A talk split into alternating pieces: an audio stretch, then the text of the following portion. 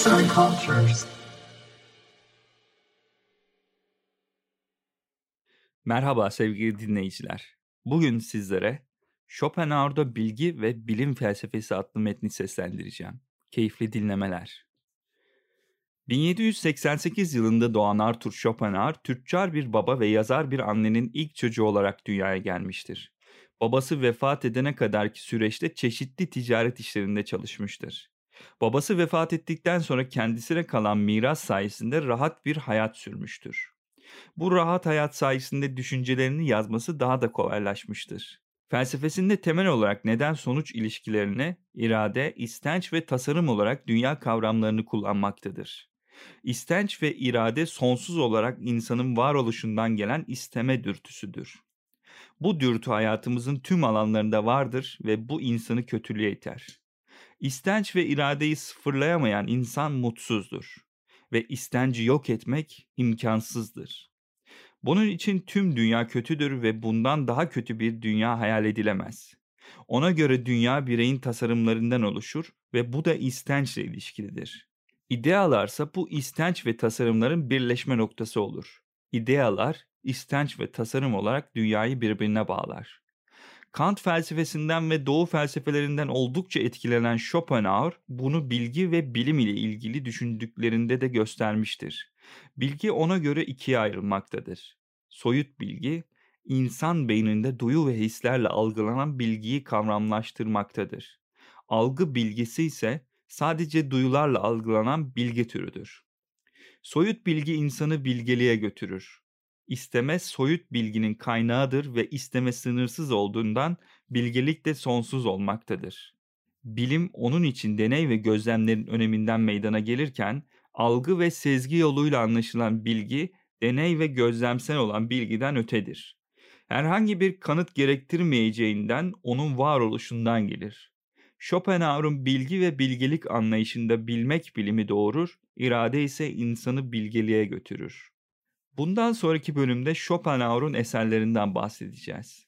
Giriş Schopenhauer'un bilim ve bilgi alanında görüşleri az çalışılmış bir konu olması bakımından önemlidir. Onun eserlerinde ve ikinci el kaynaklardan yararlanılacak bu çalışmada onun bilgiyi nasıl tanımladığı, bilginin niteliği ve bilginin ne türde onun felsefesinde yer aldığı açıklanmaya çalışılacaktır.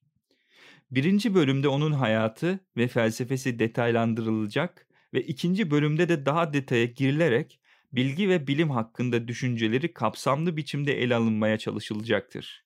Schopenhauer'un bilgelik anlayışı nedir? Schopenhauer'un bilim felsefesi ile ilgili düşünceleri nedir? gibi sorularla cevaplanmaya çalışılarak alandaki eksik bilgiler tamamlanacaktır. 1. Bölüm Arthur Schopenhauer'un hayatı ve felsefesi 22 Şubat 1788'de Danzig'de doğan Schopenhauer, Alman bir filozof ve yazardır. Alman idealizmini savunan Schopenhauer, Kant'tan etkilendiği ve Nietzsche'yi de etkilediği felsefesiyle Alman idealizmde önemli bir yere sahiptir. Ayrıca Budizm'den de etkilenen Schopenhauer bu yönüyle de Avrupa filozofları arasında ayrı bir yere gelmektedir. Hayatının babasının ölümüne kadar kısmını maddi yönden kötü geçirmiştir. Bu nedenle eserlerinin büyük çoğunluğunu ve ününü maddi olarak rahatladığı dönemden sonraya borçludur. Üniversite bitirme tezi sayesinde başka bir Alman filozof olan Goethe ile tanışarak onun etki alanına girmiş ve felsefi yaşamında önemli bir yere koymuştur. Kant'tan da büyük oranda etkilenen Schopenhauer, etkilendiği filozoflardan ayrılarak kendi felsefi dünyasını kurabilmiş ve geleceği büyük oranda etkileyebilmiştir. Yazmaya başlamadan önceki yaşamı. Babası bir tüccar aileden geliyordu. Annesi ise sonradan meşhur olacak olan yazar biriydi. Schopenhauer ailesi Polonya'nın bölünmesi sebebiyle 1793 yılında Hamburg'a yerleşir. Ayrıca Arthur'un 12 Haziran 1797'de bir de kardeşi olmuştu. Babası Arthur'un da kendisi gibi tüccar olmasını istiyordu. Ancak Arthur bunu istemeyerek Hamburg'a bir liseye yazıldı. Bununla da yetinmeyen Arthur, o sıralarda Avrupa'yı eğitim için seyahatlerde bulundu. İngiltere, Hollanda, Fransa, İsveç, İsviçre, Silezya ve Prusya'ya gitti. 1804 yılında babasının isteğini kabul edip bir şirkette ticaret eğitimi stajına girdi. 1805'te ise başka bir şirkette bu işe devam etti. Bu sırada babası öldü. Annesi de bunun üzerine kız kardeşi Adele'yi yanına alır ve Weimar'a taşınır. Arthur Hamburg'da tek başına kalır. Babasının vefatının ardından reşit olana kadar bekleyen Arthur, reşit olduğunda babasının mirasını aldı. Bu miras sayesinde maddi sorunu kalmadı ve ideallerini gerçekleştireceği yeni bir hayatı araladı. 1809'da Göttingen Üniversitesi'nde tıp eğitimine başlamışsa da hemen sonrasında felsefe bölümüne geçti. 18 Ekim 1813'te Jena Üniversitesi'nde felsefe doktorunu yeterli nedensellik cümlesinin 4 kat kötü üzerine teziyle bitirdi. Bu tez sonrasında Goethe bu tezle birlikte Schopenhauer'la tanıştı. Ayrıca Goethe, Schopenhauer'un annesinin edebiyat dünyasından tanıyor ve bu yüzden Schopenhauer'la ilgili ilişkileri geliştiriyordu. Ancak Schopenhauer Newton'u eleştirmeye başlayınca bu ilişki soğumaya başladı. Schopenhauer 1814'te annesiyle birlikte Dresden'e gitti ve o şehrin zengin olan kütüphanelerinden faydalanarak yazın hayatını daha da geliştirdi. Bu sırada 1815'te Bakmak ve Renkler Üzerine isimli kitabını yayımladı. Yazmaya başladıktan sonraki hayatı Schopenhauer en önemli eserini 1819 yılında Friedrich Arnold Brockhaus yayın evi tarafından bastırdı. İstenç ve tasarım olarak dünya olarak dilimize çevrilen bu kitap daha sonra Schopenhauer'ın ününü katkı yapacak en büyük eseri olacaktır. 1819'da İtalya'ya seyahate çıktı ancak kısa bir süre sonra babasının mirasını yatırdığı bankanın batması sebebiyle ülkesine geri dönmek zorunda kaldı. Bunun yüzünden zaten annesiyle iyi olmayan araları gitgide kötüleşti. Maddi durumu sekteye uğrayan Schopenhauer, Berlin Üniversitesi'ne 1820 yılında eğitmen olarak girdi. Bu sırada Hegel ile meşhur kavgaları başladı. Aynı kürsüyü paylaşan Hegel ve Schopenhauer sınıflarına öğrenci çekmek için çabalıyorlar ancak öğrenciler her defasında Hegel'in sınıfına gidiyorlardı. Schopenhauer'ın istenç ve tasarım olarak dünya kitabı henüz talep görmemişti ve sınıfı genellikle boş kalıyordu. Hegel'le çokça kavga eden Schopenhauer bunu göreceli olarak kaybetmişti. 1821'de babasından kalan paranın kalan kısmını alan Schopenhauer seyahatine devam etti ve 1825'te tekrar Berlin Üniversitesi'ne eğitmen olarak döndü. Hayatının büyük kısmını geçireceği Frankfurt'a 1833 yılında yerleşti. 1836'da Tabiattaki İrade Üstüne isimli kitabını yayınladı.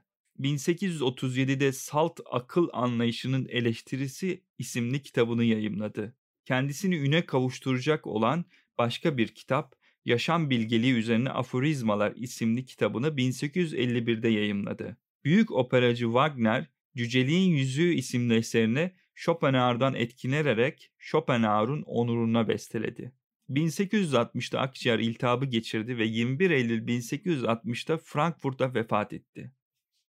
Schopenhauer'un felsefesi Klasik Alman idealizminin temsilcilerinden Hegel, Schelling ve Fichte'yi reddeden, Platon ve Kant idealizminden büyük oranda etkilenen, karamsar, kötümser ve istenç kavramıyla felsefenin temelini oluşturan bir filozoftur.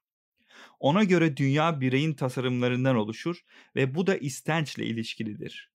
İdeallerse bu istenç ve tasarımların birleşme noktası olur.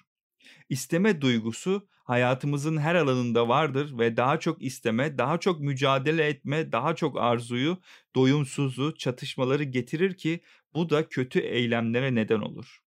Bu nedenle yaşadığımız dünyayı en kötü olarak görür ve daha kötüsünün olmayacağını söylemektedir. Bu kötü eylemlerin çözümünü ise kaynağı doğa felsefesi olan Budizm'de görmektedir. İstemenin susturulması yani el ayak çekmek ve önemsememek ona göre tek çözüm olacaktır. Sonsuz isteklerin önünü sadece insanların dünyevi hazlardan vazgeçmesiyle olacaktır. Yoksa ızdırap ve acı hep dünyaya hakim olacaktır Schopenhauer için. Schopenhauer'un yaşadıkları yazın hayatına yansımıştır. Onun içindir ki felsefesinde büyük acılar vardır. Hayata kötümser yaklaşan filozof, acılı hayatını felsefesinde gösterir. İçinde yaşanılan dünyanın zaten olabilecek en kötü dünya olduğunu düşünür. O kurumsal otoriteden çıkarlar için kullanılmasına karşı çıkar. Bunun yüzünden Hegel'i bile çokça eleştirmiştir. Ayrıca Schopenhauer dünyayı bireyin tasarımlarından ibaret olarak görür ve istenç onu yönlendirir. Tasarım olarak dünya bir yanılsamadır. Onun arkasında mutlak, değişmez, sonsuz ve sınırsız isteme yatar. Schopenhauer'da istenç ve irade. İstencin insan yaşamını yegane olarak görme düşüncesi kendine hastır. İstenç ve tasarımın yanında, istenç ve tasarımın yanında idealar da önemli bir yer bulur onun felsefesinde. İdeaları görünüş ve gerçeklik arasındaki farkı anlamanın bir başka yolu olarak görür. İdealar nesnelerin ilk örnekleridir. Ona göre idealar, istenç ve tasarım olarak dünyayı birbirine bağlar. Schopenhauer felsefesini doğudan esinlenerek yapan ilk filozoftur. Budizm ve Brahmanizm'den etkilenen Schopenhauer, doğudaki bu görüşü Avrupa'ya taşımıştır. Tüm yaşamımız istemeyle, istemenin getirdiği mücadele, çatışmazlık ve doyumsuzluklarla geçer. Bunu bitirmenin tek yolu istenci yenmektir. Ancak istenci yenemeyen insan, istencin tuzağında acı içinde yaşar. İsteme sonu gelmezdir ve istemenin hep daha fazlasını istemesinden ötürü insan istemenin kuyusuna düşer ve o kuyu her zaman kötüyü, acıyı beraberinde getirir. Ve Schopenhauer bu sıkıntıların tek kaynağını istenç olarak görürken tek çözümünün de istencin susturulmasında görür. Ona göre insanoğlu varoluş acısı çekmeden yaşamayacaktır. Bu varoluş ise bir sonuçtur. İstenç ve iradenin nedenidir. Bu acılı varoluş içerisinde insan hiçbir zaman mutlu olmayacaktır. Kant ve Doğu felsefesini armağanlayan Schopenhauer, Kant'ın fenomenal dünyasını, Platon'un idealar dünyasını kendisinde tasarım olarak tanımlamıştır. Tasarımlar gerçek olmadığından insan gerçeği görmekte zorlanır. Kant'a göre gerçeklik hiç gözükmezken Schopenhauer onun görünebileceğini söyler. Ayrıca o Kant'taki gibi tanrı kavramını kullanmaz. Ateist olarak nitelendirilebilecek ilk filozoftur diyebiliriz. Onun için irade de tanrı değildir. İstenç ve irade en büyük kötülüğünü cinsellik üzerine yapmaktadır. İnsanoğlu cinsel dürtülerini hiçbir zaman durduramayacaktır. Bu istenç dünyanın en kör istencidir. Soyun ve türün devamını istemek varoluşa yapılmış büyük bir kötülüktür. Zaten kötü olan dünyada türün devamı bu kötülüğe ekilen tohumdur. Ona göre cinsel istenci yenmek imkansız gibidir. Zaten onu yenmiş kişi hayatta mutlu olarak kalacaktır. Schopenhauer felsefesinin etkileri Schopenhauer sonradan anlaşılmış olmasına rağmen dünyada büyük bir yankı uyandırmıştır. Onun felsefesi günümüz biliminde bile görülebilmektedir. Büyük ölçüde Nietzsche'yi, Freud'u, Wagner'i, Blake'i, Sartre'yi, Wittgenstein'ı ve sayılabilecek onlarca büyük kişiyi etkilemiştir. Ancak en büyük farkı Nietzsche ve onun yarattığı yeni dünya felsefesine kattıklarıdır. Nietzsche ve onun ardılları şu anki düzenin ayrılmaz parçalarıdır. Freud hala tartışılsa da onun yazdıkları günümüz psikolojisini ve psikanalizini şekillendirmiştir. Nietzsche, 20. yüzyılın devrim gibi gelen felsefe dünyasını 21. yüzyılda bile yaşatmaktadır. Thomas ve Blake gibi isimden ondan etkilenerek şiirler yazmış, Wagner gibiler beste yapmıştır. Salvador Dali ise Wagner'in Schopenhauer'un onuruna yazdığı bestesinin aynı isminde bir tablo yapmıştır. Freud, Schopenhauer'un istenç ve iradesini Grup Psikolojisi ve Egonun Analizi isimli kitabında işlemiştir. Schopenhauer'dan aldıklarıyla bilinç, bilinç dışı ve bilinçaltı kavramlarını geliştirmiş, psikanalizde en önemli yere koymuştur. İt, ego ve süperegoyu Schopenhauer'un istenç düşüncesinden almış, Oedipus ve elektro kompleksini Schopenhauer'un düşüncelerinden türetmiştir. Nietzsche ise Schopenhauer'la erkenden tanışmış, onu öğretmeni yapmıştır. Tüm bunların sonunda Schopenhauer 20. yüzyıldaki felsefi devrimin en önemli ayaklarından birini oluşturmuş ve 21. yüzyılımıza kapı aralamıştır. Schopenhauer ve bilim felsefesi. Schopenhauer ve bilgi. Schopenhauer felsefi temellerinin çoğunu Kant'ın üzerine koyarak yapmıştır. Kant ona göre modern zamanın en büyük düşünürüdür. Kant'ın felsefesindeki insan deneyiminin ötesinde yer alan herhangi bir şeyin bilgisine ulaşma çabasının yararsız olacağını savunmuştur. Ona göre bilgiye ulaşmak olanaksızdır. Tanrı'nın varoluşu veya ruhun ölümsüzlüğü gibi konularda tümüyle umutsuz bir çaba içerisinde olacaktır. Schopenhauer'ın bilgi kuramı, Kant'ın fenomen ve nominen kavramlarının ayrışmasıdır. Dünyayı sadece duyu organlarımız ve anlama yetilerimiz aracılığıyla farkındayızdır. Ona göre salt gördüklerimiz önemli değil, duyularımız materyali de şekillendirir. Ona göre soyut bilginin kaynağı algı bilgisidir.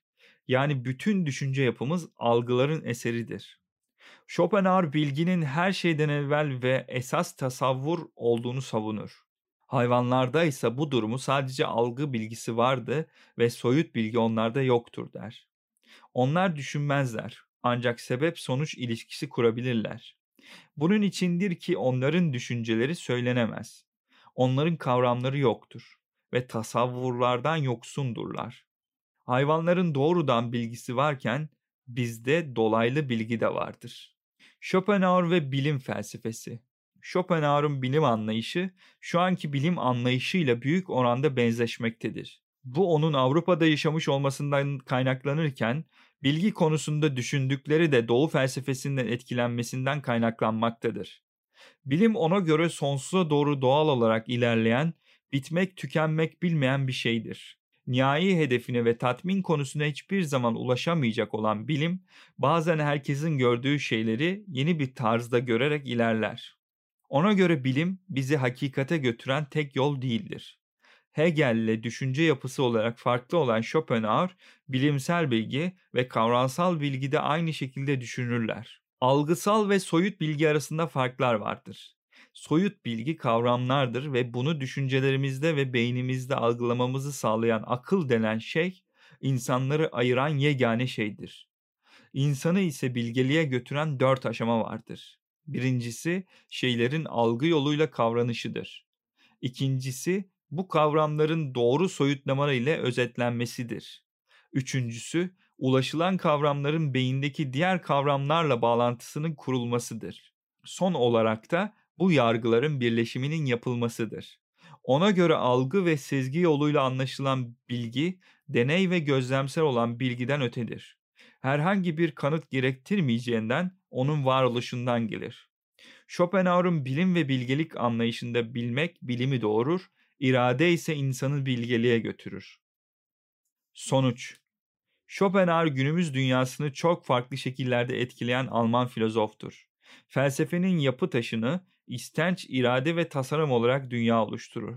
Bu irade ve istenç kavramları onun soyut bilgiye ve bilgeliğe giden yolunu açıklar. Temel olarak idealist bir felsefesi olan Schopenhauer, bilimsel bilginin deney ve gözlem yoluyla elde edilmesini savunurken, bilgelik için deney ve gözlem yetmemektedir.